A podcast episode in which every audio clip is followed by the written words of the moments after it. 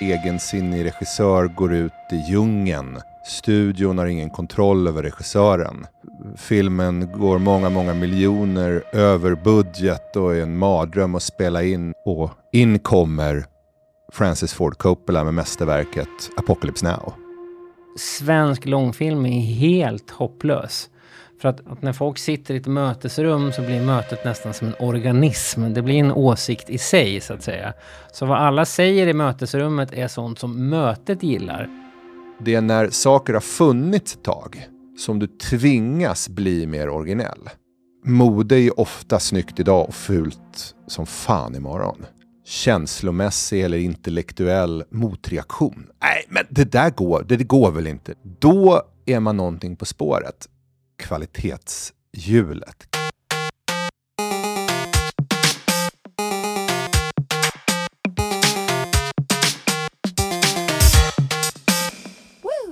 Välkommen! Du lyssnar på podden Gradvall och Magnus.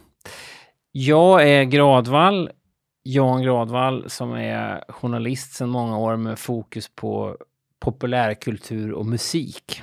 Och jag heter Magnus Lindqvist och är futurolog, föreläsare, författare, kan inte komma på något mer på F. Och mitt fokus, jag kommer till F, handlar kanske framför allt om näringsliv, företagande, uppfinningar och liknande. Och vi funderar ju på titeln Linkvist och Jan, men vi tyckte Gradvall och Magnus är bättre. Ja. Och mitt stående skämt är alltid att du en dag kommer säga, kan ni klippa bort det där Magnus? Man kan ju om logotyp att man kan kryssa över Magnus och skriva dit liksom Lisa eller Åke istället. Vi har en option ifall att det inte funkar. Säsong två. Säsong två. Men nu kastar vi oss rakt in i avsnitt tre som vi döper till kvalitetshjulet. Vad ska det här handla om, Magnus? Eller rättare sagt, vad handlar podden om? Podden som helhet handlar om vår ömsesidiga fascination för skapande oavsett var och hur det uppstår. Det uppstår i konst, musik, litteratur, byggande, arkitektur, näringsliv, ingenjörskonst, skolor, utbildning och det, eftersom vi har känt varandra i snart 20 år, är någonting vi alltid har tyckt om att prata om. Jag läste ett bra citat som lyder som följer. Strategi är att vara bra på något som också är väldigt svårt. Och då, när jag tänker på dig, Janne, så är du väldigt bra, inte bara på att skriva och tänka, för det är svårt, men, men framför allt, du är bra på att fortsätta lustfyllt upptäckande.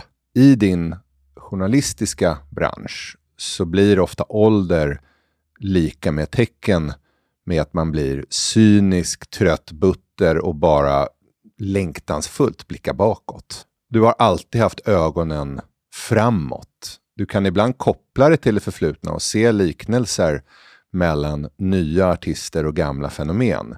Men du gör alltid det med en, med en positiv spin och det är väldigt svårt i livet och journalistiken. Så jag tror att den här podden handlar om att vara bra på något som är väldigt svårt, det vill säga att lustfyllt upptäcka framåt, inte bara längta bakåt. Det blir jag väldigt glad att du säger. Men jag tror att delvis har det att göra med något så enkelt som min konstanta frilanstillvaro, att jag aldrig varit anställd. Jag kan ibland fantisera om det här anställda tillvaron, att jag sen när, när jag kommer flyttas på en dag så ska jag liksom ha såna utfall och säga att det är åldersrasism som gör att jag inte får ha jobbet längre kvar. Eh, som ett skämt alltså. Mm. Men är man frilans så tvingas man konstant. Det finns gamla meriter, betyder ingenting. Du är aldrig bättre än ditt senaste jobb. Och jag tror att, att jag tycker att så många saker är spännande, vilket jag alltid har tyckt var kul att prata med dig, att jag hela tiden ser möjligheter till att lära mig någonting nytt. Det var som någon skrev att ett gott råd att om du träffar en person som kanske då kan mer än dig, ägna inte det samtalet om och berätta det lilla du kan om det här ämnet. Säg att du, du träffar en eh, kvinna som är nobelpristagare i fysik. Så det är många som känner, då ska jag försöka imponera på henne och dra min lilla anekdot vad jag kan om fysik. Håll käften och lyssna. Förstå att du har en möjlighet att lära dig någonting. Var hela tiden ödmjuk inför det. Det är lite min inställning. Och med det Jordan Peterson-citatet så rör vi oss in då mot kvalitetshjulet. Kan inte du berätta? Det var du som en gång i tiden förklarade hur det låg till för mig. Ja, om man tänker sig en betygsskala då, 1 till 5, som ju många använder, svenska tidningar. Eller ATF eller... ATF, ja. fast 1 till 5 är nästan tydligare i det här fallet. Och jag, men jag tänker betyg, för du och jag gick i skolan när det var Exakt. betyg 1 till 5. Precis. Men 1 till 5, 5 plustecken, 5 getingar och så vidare. Ja. Mm. Då kan man ju tro då att om man tänker sig det horisontellt, ettan är längst där borta, femman är längst där borta. Men jag skulle säga att egentligen så befinner sig ettan och femman bredvid varandra. Om man tar den här horisontella linjen och gör det som en cirkel istället, som en klocka, så hamnar ettan och femman bredvid varandra. Och för att göra detta kanske obegripliga begripligt, det finns ett, ett citat från två svenska reklamkreatörer som heter Linus Karlsson och Paul Malmström de var de första svenskarna i reklamvärlden som blev så att säga draftade till USA ungefär som hockeyspelare. Att man fiskar upp de bästa talangerna och så får de spela de amerikanska stjärnlagen. Så blev det för dem i reklambranschen. Och de myntade uttrycket för att något ska bli det bästa man någonsin har gjort så måste man riskera att det blir det sämsta man någonsin har gjort. Det vill säga, ska det kunna bli en femma så finns det en stor risk att det blir en etta. De flesta gör inte så för att man vill hela tiden säkra upp, framförallt om man kanske jobbar med kunder eller uppdrag, att det är ingen som vill riskera att det här blir, kan faktiskt bli skitdåligt. Så man lägger sig på någon fyra kanske. Eller att man vet själv man levererar, det här vet jag säkert blir bra, jag håller mig där. Men då blir det aldrig så där superbra om du inte riskerar att det faktiskt kan bara bli pannkaka av allting. Därav det här kvalitetshjulet, ett ord som du lyssnade på vad jag sa och faktiskt myntade. Jag tror du har hittat på ordet kvalitetshjulet. I tidigare avsnitt pratade vi om kreativ friktion. Och friktion skapar en hel del femmor och ettor. Stabilitet skapar väldigt många fyror. Och kanske treor. Jag tänkte på filmens värld. Galen, panna, egensinnig regissör går ut i djungeln. Studion har ingen kontroll över regissören filmen går många, många miljoner över budget och är en mardröm att spela in och går över ja, tidsramar och så vidare. Och in kommer Francis Ford Coppola med mästerverket Apocalypse Now. Som har verkligen stått tidens test och fortfarande ses. Så den tittas på, den visas. Galen, panna, egensinnig regissör går ut i skogen. Studion har ingen kontroll över regissören.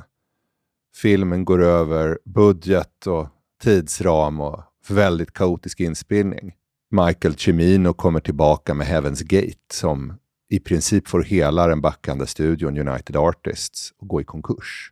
Därmed inte sagt nödvändigtvis att, att det är samma sorts film, men, men jag gissar att upplevelsen var väldigt liknande. Man visste inte vad man gjorde i de här inspelningarna. Verkligen, för att backar man då så var ju då Francis Ford Coppola och Michael Cimino var ju de mest hypade regissörerna i Hollywood då. Coppola har gjort Gudfadern till exempel, Cimino har gjort Deer Hunter. De har fått alla Oscars. Sen gör han de här, nu jävlar ska jag göra mitt personliga projekt. Ni fattar inte vad jag tänker, men lita på mig och så sticker de iväg då, precis som du sa, till en djungel respektive en skog. Och i det ena fallet, och allt blir kaos. Allt blir fullständigt kaos och nervö- eh, producenter blir nervösa. I ena fallet så blev det en femma och i andra fallet så blev det en etta. Även om då vissa cineaster nu försöker hävda att det finns kvaliteter i Heaven's Gate också, men Eh, rent kommersiellt så blev det precis som du sa ett sånt fiasko så att filmbolaget gick nästan i konkurs. Då tänker jag så här att i kvalitetshjulet Zenit, där femman och ettan sitter tillsammans, så finns det ju något, något kaotiskt, oförståeligt. Det är verkligen som en sån här skapelsesoppa. Som troligtvis smakar väldigt illa att äta. Det är jobbigt, det kommer tära på dig. Och du tar väldiga risker. Så man kan nästan förstå att folk hellre kanske, ska vi inte bara röra oss i territorier tre, fyra? Mm. Så att vi ändå levererar in någonting som folk förstår och gillar och, Och, oavsett om det är film eller musik eller litteratur. Den som håller pengarna kommer ju alltid att driva det. Det är, det är därför svensk långfilm är helt hopplös. För att om man jämför med andra saker, om du gör musik, om du gör ett album, så kan du faktiskt driva det själv. Det här vill jag göra, det här är min vision. Om du skriver en bok så kan du också känna att det här vill jag göra själv. Film kostar så mycket pengar så att även då svenska filmer med lägre budget kostar 50 miljoner. Så att om det är någon som har en originalidé så kommer den kompromissas sönder på vägen så mycket. Så att det slutar i bästa fall med en 3,7 eller en 2,7. Det låter generaliserande men det stämmer ganska väl. Så att ingen av de bästa manusförfattarna vill jobba med svensk långfilm längre. De har mycket större frihet inom eh, framförallt tv-världen med streamingtjänster. I den smått fantastiska romanen True Story så skriver författarinnan An idea is like a word, accruing meaning through application. Det vill säga en idé är ingenting i sig självt, utan det är applikationen av idén som skapar mening. Det är det vi, vi utvärderar ju väldigt ofta idén och glömmer bort att idén är ofta designad för att tyckas om och få medhåll i nuet. Det är nästan så evolutionsbiologi. Varför är ett äpple gott? Jo, för det vill sprida sina frön och så äter du äpplet så sprider du fröna åt äpplet.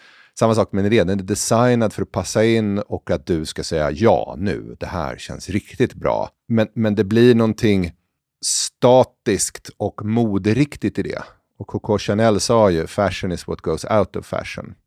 Mode är ju ofta snyggt idag och fult som fan imorgon konst är ju väldigt ofta fult, märkligt, konstigt, provocerande, svårförståeligt, esoteriskt idag. Men har kanske imorgon eller övermorgon antagit vidundliga proportioner i, i estetiken, i hur vackert det är och hur spännande det är. Och det ligger ju också i det här kvalitetshjulet. Mm, vi, mm. vi måste nästan döpa den där tolvslaget, Twilight, kvalitetens tvillingljus där, femman och ettan, till någonting, till exempel tvillingljuset, Twilight Zone.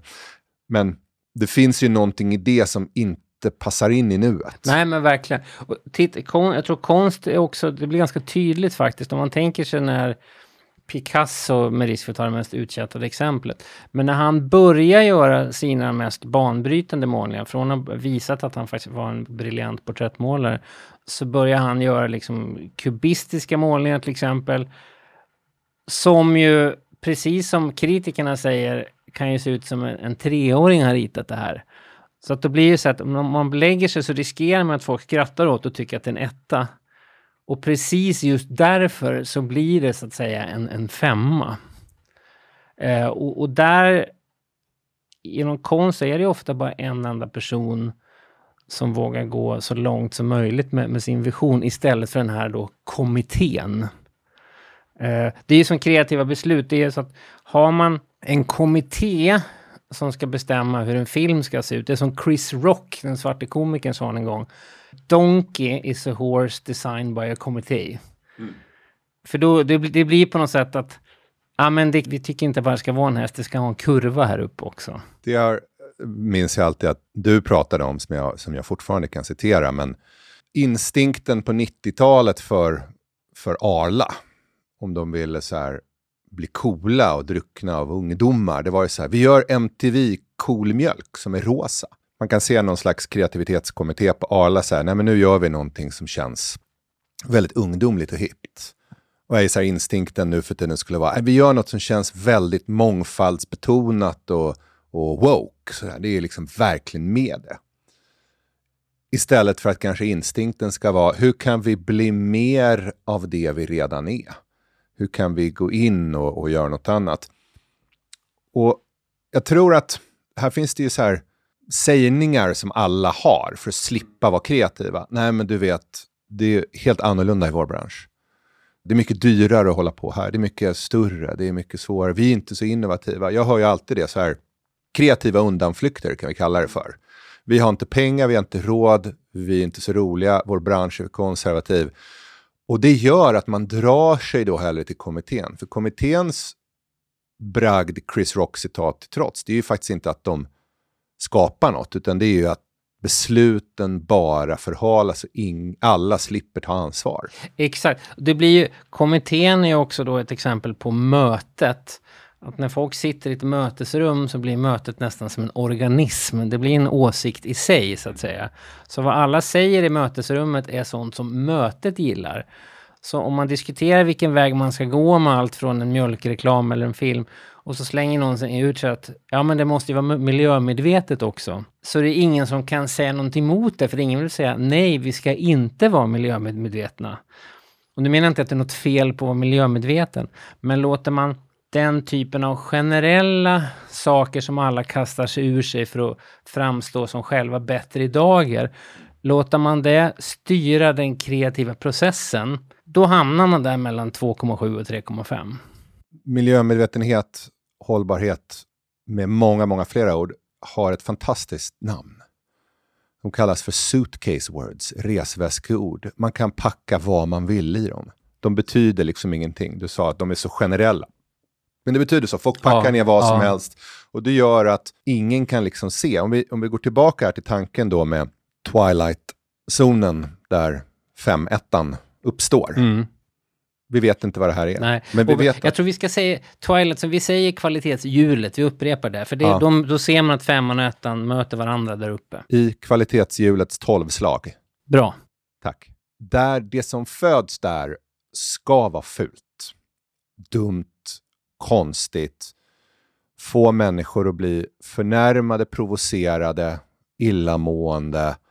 Alltså någon form av känslomässig eller intellektuell motreaktion. Nej, men det där går, det, det går väl inte. Det här, så kan du ju inte säga. Det här är väl inte... Då är man någonting på spåret. Men det man är på spåret då får väl mest liknas med någon slags larv. Så det händer ingenting, utan larven måste förpuppas. Och i puppan så finns det inte en liten fjäril, utan där finns en slemmig säck med mer larv. Sen kommer en fjäril. Och det här i i innovationslära har det här kallats för de tre sorgernas förbannelse. Väldigt sällan i världshistorien så blir lansering nummer ett lyckad. Jag minns ett jobb för bryggerirätten Carlsberg där man skulle lansera en nordisk variant på Vitamin Water. För man såg att Vitamin Water börjar gå jättebra i USA. Det är en det är en vuxendryck som inte är Coca-Cola, Pepsi, Sprite, utan den är liksom typ nyttig, jättelönsam. Och då sa man, det där måste ju vi göra i Norden. Men det finns, eller fanns inte på Carlsberg då och finns i väldigt få företag utrymme att misslyckas. För det är så mycket pengar och tid och så som står på spel. Så det gjorde ju att man trodde att man liksom kunde i princip lansera larven. Så man gjorde ett designprojekt och la in och tyckte att man satsade jättemycket pengar, men det var ingen som förstod vad det här var eller upptäckte det eller såg det. Så sa man, att vi har sex månader på oss. Historiskt kan man säga att det tar ju snarare åratal mm. för att saker ska sätta sig. Det finns massor av exempel i musikvärlden det där. Man säger ofta nu att det, det viktiga var först på bollen.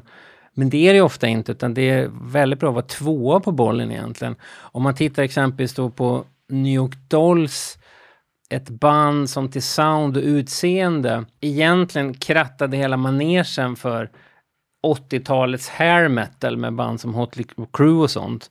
Men New York Dolls gjorde det här 7-8 år innan. New York Dolls tjänade inte en krona på detta. De andra banden kunde köpa flygplan så att säga. Punken, Ramones, ett av musikhistoriens absolut viktigaste band som satte hela soundet och låtarnas längd, attityden. Tjänar heller inte en krona på sin musik. Däremot tvåa på bollen eller kanske till och med tre och fyra på bollen band som Green Day. Det var de som kom i precis rätt läge och kunde då köpa sina flygplan.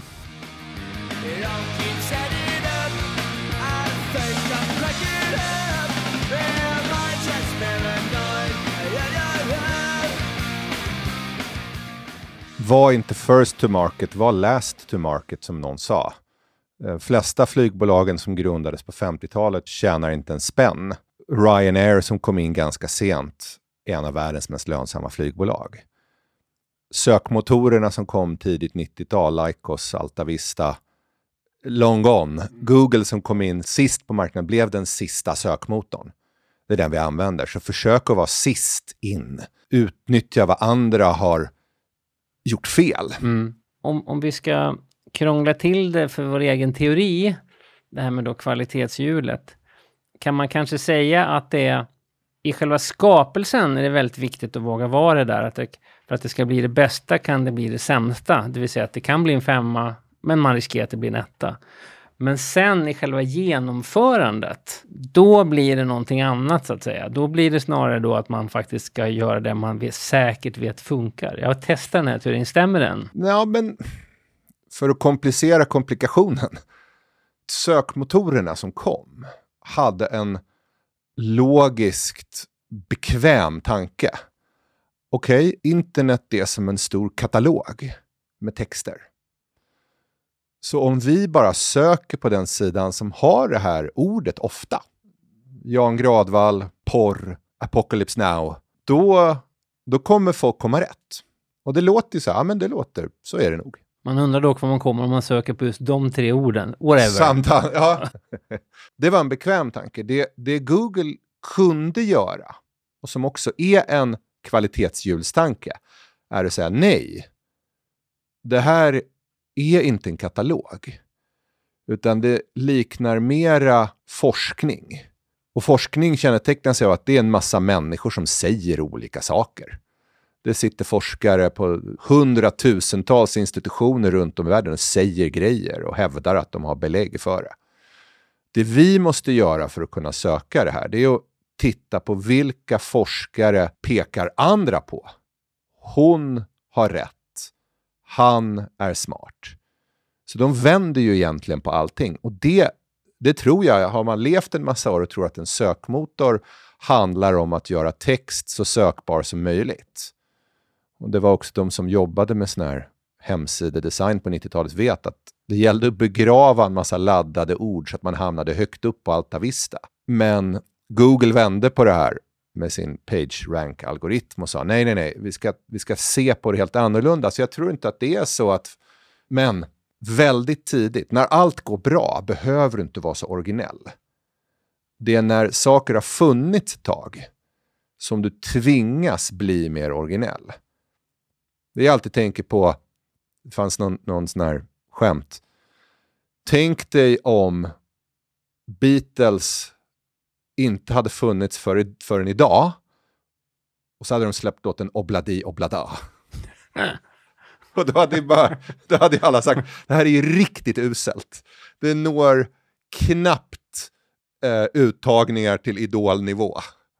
Så, så allting är ju ett barn av sin tid, mm, men det är ofta verkligen. de som har kunnat kvalitetshjulstänka, så här, mm, nej mm. vi ska röra oss till zonen där vi blir obekväma mot vals och saker mm, mm. känns. Vi tar längden här.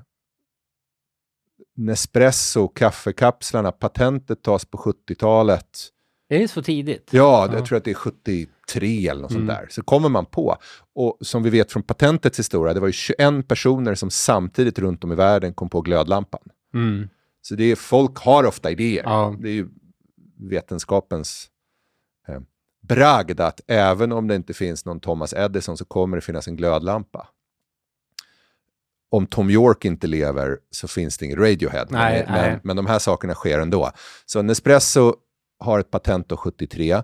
Jag tror att det tog dem 13 år att få en fungerande maskin på marknaden som de började sälja i Japan espresso, kaffe, kapslar för hemmabruk. Och den går med förlust. Den, jag tror att de driver den, säljer den med förlust i ytterligare ett decennium. Någonstans millennieskiftet, det är där det börjar lyfta och George Clooney-annonser och sådär. Så vi pratar alltså om någonting som nästan tog 30 år. Hur många har det perspektivet? Mm, ja. I sitt skapande, i, i sitt företagande, mm. i sin gärning. Det är väldigt få. Men jag tror det är också, det där du sa att vad sa du att det var 17 personer som sökte patent för glödlampan samtidigt? 21 var det jag sa, men låt oss säga att det var 17. ja. men det där, Fler än en i alla fall. Jag tror människor generellt överskattar värdet av sina idéer och idéer överhuvudtaget, så att säga. En stor del av de här stämningarna i musikbranschen som har blivit en inflation nu, att X har snott min låt, som egentligen eldas på av advokater som inser att de kan tjäna pengar på de här processerna. Det beror ju ofta på att det sitter någon hör kanske någon genial musikslinga av Per Gessle, påstår sig att de själva kanske har använt samma ackord någon gång på en demokassett 1981. Stämmer Per Gessle för att han har snott deras musik?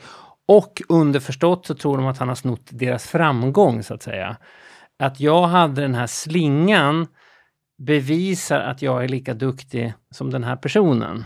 Medan man kan aldrig bortse från förmågan till genomförande. Det är det som är svårt. Det är inte svårt att hitta på att man ska skapa en glödlampa. Det vore fint med någonting som lyser upp ett rum.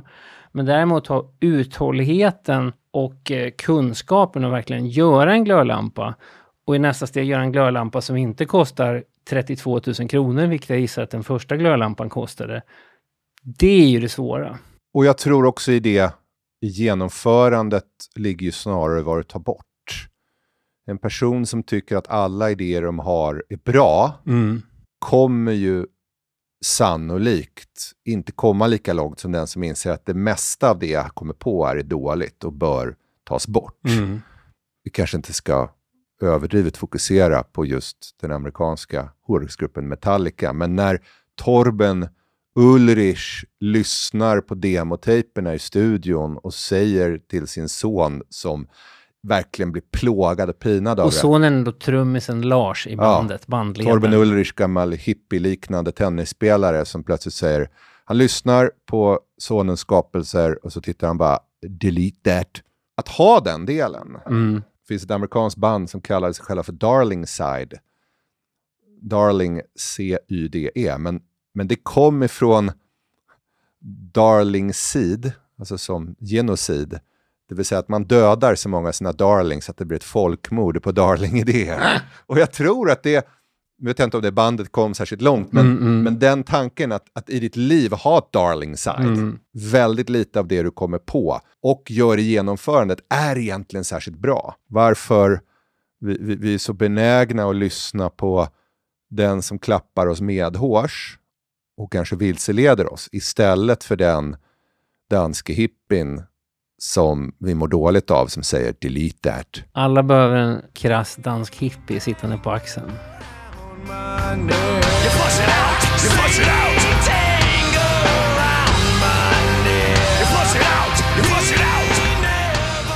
Och här vill jag gå från kvalitetshjulet in i artificiell intelligens och dess förmåga att eventuellt skapa. Vi är väl fortfarande inne i en ganska hypad AI-tid. Jag brukar alltid skämta om att AI fyller samma funktion som de här trasorna man gjorde reklam på på TV-shop. Den kan både ta upp fläckar, den håller mer vatten än en törstig kamel, man kan bara vrida ur den, man slipper tvätta den. Och om du ringer nu så får du dessutom 30 köksknivar. Så är AI, det Det kan är, allt. det är en väldigt bra, exakt så känns det. Ja, AI kan köra Mm. bil och skapa och kommer ta över allt och kan göra alla jobb. Inga journalister och futurologer kommer finnas kvar i framtiden. Men då finns det just det här. Det fanns ett laboratorium som hette Sony PSL och grundaren där rekryterades sedermera av Spotify. Och det grundaren och Sony PSL är fascinerade utav, han är fransman, glömmer hans namn, han heter nog franskt. Det är just AIs förmåga att komponera musik. Och då byggde han en algoritm som hette Deep Beatles och sen då byggde han, och som, som gjorde en låt som heter Daddy's Car, som låter som Beatles en halvdan dag kan vi säga. De har antingen rökt för mycket eller för lite.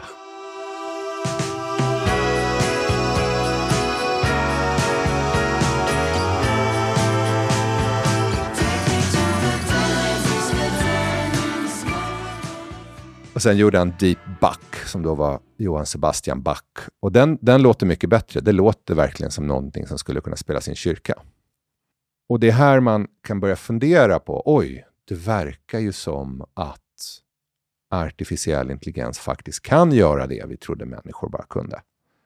Och skälet tror jag att Spotify har rekryterat fransmannen är ju för att kan de göra automatiserade det vill säga royalty-befriade playlistor. Så när du har så här relaxing dinner piano så är det egentligen bara slumpmässiga algoritmiska kompositioner, då ökar ju lönsamheten. Fast jag tror att det där finns ju, men det är en väldigt liten del av det. Jag tror att framförallt, precis som du säger, den här TV-shop-liknelsen.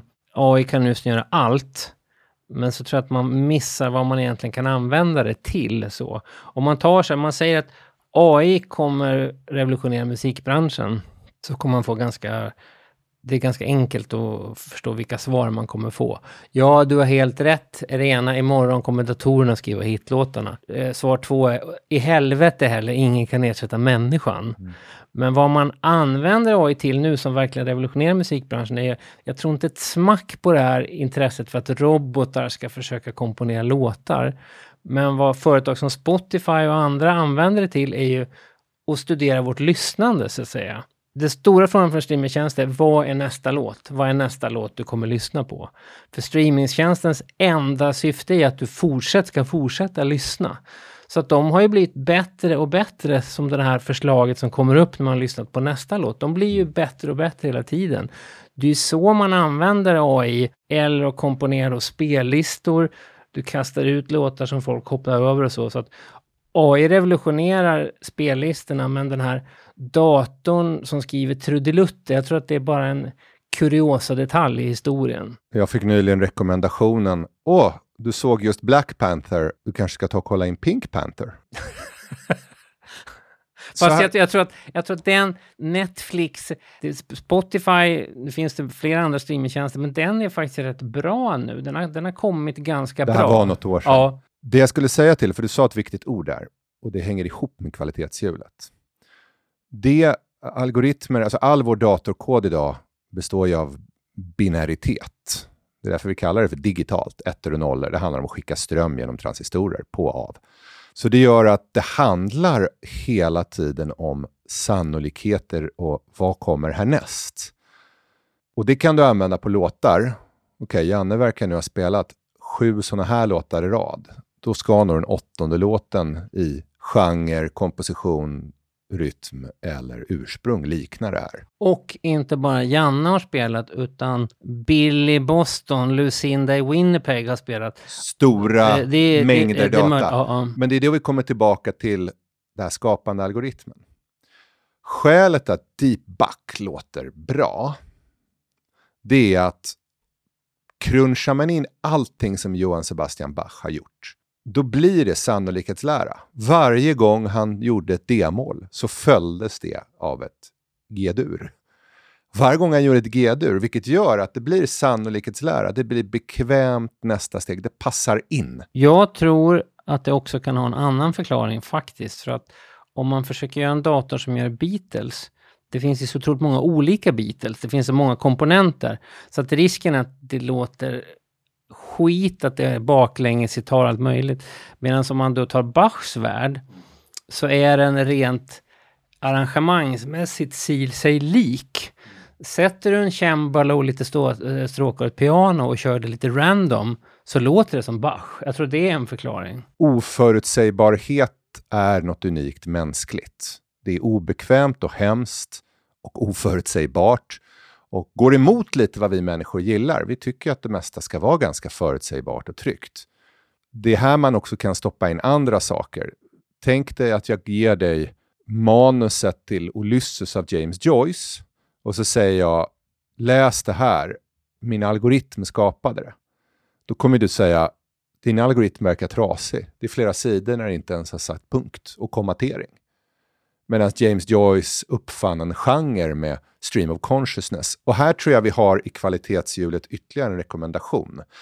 I en värld av automatisering och digitalisering så är det bättre att vara Beatles än Bach. Har du något tips, Janne, för hur man ska tänka kring kvalitetshjulet? Men jag bara tänkte först, när du sa eh, James Joyce där, snacka om att våga lägga sig mellan en femma och en etta, så att säga. Och det var ju en ja. etta då, den var ju förbjuden och censurerad ja. och hatad. Det och... finns ju den här, den här långa monologen då, som hon Molly håller, som är då utan punkt och sådär. Det här, det här, han måste ha tänkt att det här kan vara det sämsta jag någonsin har gjort, jag kommer bli utskrattad. Eller så är det bra. Och utan att för ett ögonblick jämföra sig med, med sådana personer så kan jag känna något så simpelt som jag skriver mina krönikor i DI. att när jag blir lite svettig på slutet och känner att ah, det här kanske är pinsamt, jag kanske är lite för självutlämnande eller lite för banalt. Väldigt ofta så är det just de där när jag känner att jag nästan inte törs trycka på sändknappen som visar sig funka bäst. Kvalitetsljusets tolvslag, tvillingljuszonen där, fiaskon och framgång föds. Ska vi... Ja, det, det, det lät som en, som en, en djup sammanfattning. Tack.